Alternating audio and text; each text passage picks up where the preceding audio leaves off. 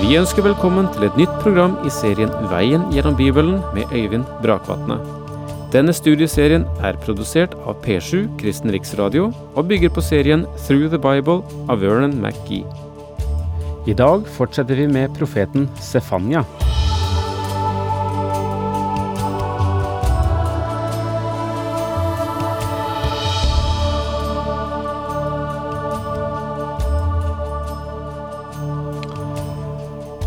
Jeg forsøkte sist, gjennom eh, begynnelsen til introduksjonen av profeten Sefanya, å si at hovedtemaet i denne boken er egentlig Guds kjærlighet. Understrømmen i alt det som skrives, alt det som foregår, er egentlig Guds kjærlighet. Men det er, sa jeg sist, det er den mørke siden av Guds kjærlighet. Og for å beskrive det, så um, diktet jeg en historie, som for så vidt kunne vært sann, om en far som er tvunget til å ta sin datter til lege og legge henne under kirurgens kniv, og at det at han tar sin datter, kanskje mot hennes vilje, det er eh, ikke et uttrykk for at han har noe imot henne, men det er også et uttrykk for hans ømme kjærlighet. Kjærligheten må av og til ta upopulære avgjørelser, og ta skritt som for den som blir elsket, ikke alltid synes å være de beste eller de mest solskinnsbelyste. Og likevel er selve basis for det som gjøres, kjærlighet. Og jeg vil nå, gjennom profeten Sefanya, gjerne understreke at Gud har i sin kjærlighet også en mørk side. Han steller med oss etter våre behov, mine venner. Ikke bare for at vi skulle få gode dager i og for seg, men etter de behov vi har. Og saken er, mine venner, at den store lege vil legge sitt barn på operasjonsbordet. I sin kjærlighet har han ingen vanskeligheter med det. Han vil bruke kirurgens kniv når han ser at det er en svulst eller en dødelig virus som tapper ut vårt åndelige liv, der synd får gripe om seg som kreft. Han nøler ikke med å behandle oss hardt og dette faktum må vi lære tidlig. Han elsker oss like mye når han legger oss under operasjonskniven, som når han sender oss blomster og fører oss ut i solskinnet. Av og til vil den store lege operere uten å gi oss for mye smertestillende. Men du kan alltid være sikker på én ting. Når han gjør det, vil han også være der med salven fra Gilead. Når han ser at det er best for deg og meg å vandre gjennom lidelsens dal, at det vil tjene vår evige velferd, så vil han ikke nøle med å føre oss langs mørke veistykker. Mine venner, han elsker oss mest når han opererer oss for den Herren elsker, den tukter han. Men an, med andre ord fostrer han sine barn, han disiplinerer oss. Med et annet bilde eh, presenterte den Herre Jesus det samme aspektet da han talte på den øvre sal til sine egne disipler. Han sa i Johannes 15, vers 1-2, Jeg er det sanne vintre, og min far er vingårdsmannen. Hver gren på meg som ikke bærer frukt, tar han bort, og hver gren som bærer frukt, renser han så den skal bære mer. Vi må huske at vår far griper inn i våre liv, ditt og mitt, og beskjærer det som ikke bærer frukt, og det smerter. Men som en gammel from troende sa, vingårdsmannen er aldri nærmere grenen enn når han beskjærer den. Faderen er aldri nærmere deg heller, min venn, enn når han rekker ut sin hånd og tar ut av ditt hjerte og liv det som er ham anstøtelig.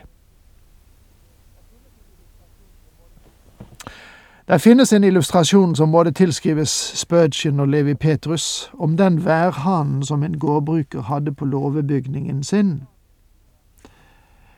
Det var en uvanlig værhane, for på den var det utskåret ordene Gud er kjærlighet. Og noen spurte bonden med et lite smil, mener du at Guds kjærlighet er like foranderlig som vinden? Men gårdbrukeren ristet på hodet og sa, nei, jeg mener ikke at Guds kjærlighet forandrer seg slik. Jeg mener at Gud er kjærlighet, sammen hvilken vind det blåser. I dag kan det være en mild bris fra syd som han lar drive over ditt liv, for han elsker deg. Men i morgen kan det hende at den kalde nordavinden får deg til å kjenne det som du er uten klær, og om den bitende nordavinden kommer, så elsker han deg like høyt. Min kjære, om du er et Guds barn, og nå befinner deg i lidelsens dalganger, så vær viss på at Gud har deg kjær. Uansett hvor det kan, hvordan det kan se ut, så elsker han deg, og det kan ingen av oss forandre, heldigvis. Lys og ømhet er knyttet til kjærligheten for ethvert barn, og med rette, men disse forholdene alene gir ikke en total forståelse av kjærligheten. Kjærligheten uttrykker seg alltid til beste for den som den elsker. Og Det er derfor det er så vanskelig å, knytte kjærlighet sammen med Guds dom. Eh, den populære forståelsen av Gud er at han er en slags dr. Jekyll og Mr. Hyde i en slags superutgave. Den ene av hans uh, naturer uttrykkes gjennom kjærlighet, og den andre uttrykker seg gjennom vrede i dom. Disse to synes å være så motstridende at det virker som det er to guder. Sefanya er fullt med vrede og Guds dom. Men likevel så finnes det en undertone av Guds kjærlighet. En fortvilet mor snakket til meg etter et møte og sa at hun hadde en sønn som var en fremstående næringsdrivende, sterk politisk aktiv, men han var ingen kristen. Han vendte det døve øret til mors henstilling om at han ikke bare måtte tenke på penger, posisjon og ære, men på sin sjel. Hun ber for ham stadig, og ber andre om hjelp til å be for ham. Nå sto hun her med tårer i øynene og sa, Jeg ber til Gud at han vil frelse gutten min, jeg ber om at han vil frelse ham, selv om han skal være nødt til å legge ham på sykeseng. Det denne fortvilte kvinne uttrykte, var ikke en trussel for gutten sin, men et uttrykk for kjærlighet. Fordi hun elsket denne gutten, så var hun faktisk villig til å gi ham opp og la ham gå gjennom svære kvaler, hvis det bare kunne bety hans sjels frelse. Den lille profetboken til Sefanya presenterer den mørke side av Guds kjærlighet. Han er en kjærlighetens gud, men han er også en dommens gud. Sefanya åpner med domstrusler, og du finner neppe dommen proklamert på en skarpere måte enn i denne boken. Det er to tanker som stikker seg frem i denne korte boken til Sefanya. For det første møter vi temaet Herrens dag. Selve uttrykket Herrens dag forekommer syv ganger i denne lille boken. Obadja og Joel, de første skriftprofetene, var de første som brukte dette uttrykket. Alle profetene henviser til det, og nå også Sefanya, den siste av skriftprofetene før fangenskapet, bringer dette uttrykket frem igjen, og han bruker det mer enn de øvrige profetene. Denne formuleringen dukker som sagt opp syv ganger, men det er også andre henvisninger til selve saken. Dette uttrykket står spesielt i forhold til den store trengselsperiode som kommer forut for riket, men Herrens dag inkluderer også rikets epoke. Den store trengselsperiode ender når Kristus kommer til jorden for å opprette tusenårsriket. Og alt dette sammenfattes i begrepet Herrens dag. Vekten i Sefanias bok ligger på dom. Joel åpner også sin eh, profetirekke med en beskrivelse av den store gresshoppeplagen som han sammenligner med Herrens dag som kommer i fremtiden. Og Joel, han sier at Herrens dag er ikke lys, den er mørke.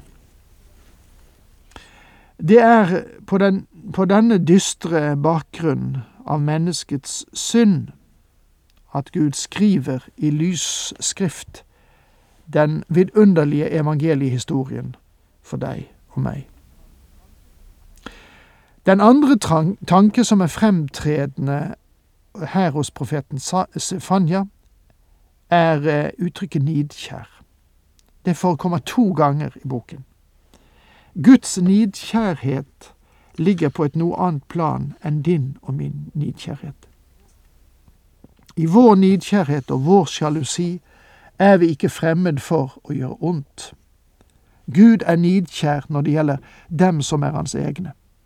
Han er nidkjær når det gjelder menneskeslekten. Han skapte mennesket, og han har stilt en forløsningsmulighet til disposisjon for mennesket, og gjort det mulig for enhver å bli frelst. Det er ikke hans ønske at noen skal gå fortapt. Han vil at alle skal bli frelst. Han er nidkjær når det gjelder menneskeslekten. Men for dem som ikke venner seg til ham, så omfatter hans nidkjærhet også hans dom. Det som Sefanya-boken gjør helt klart, er at Gud herliggjøres både gjennom dømme og gjennom å frelse. Det er mange mennesker som ikke kan forstå hvordan det er mulig. Esekiel 38 og 39 taler om fremtidssituasjoner der Gud skal dømme Russland, og vi leser der Du drar opp mot mitt folk i Israel lik en sky som dekker landet. Det skal skje i de siste dager, da fører jeg deg mot mitt land, for at folkeslagene skal lære meg å kjenne når de blir vitne til at jeg åpenbarer min hellighet på dei Gog. Esekiel 38, vers 16. Og det er det samme spenningsforholdet som Sefanya tar opp i sin bok. Og med dette, takk for nå, Herren med deg.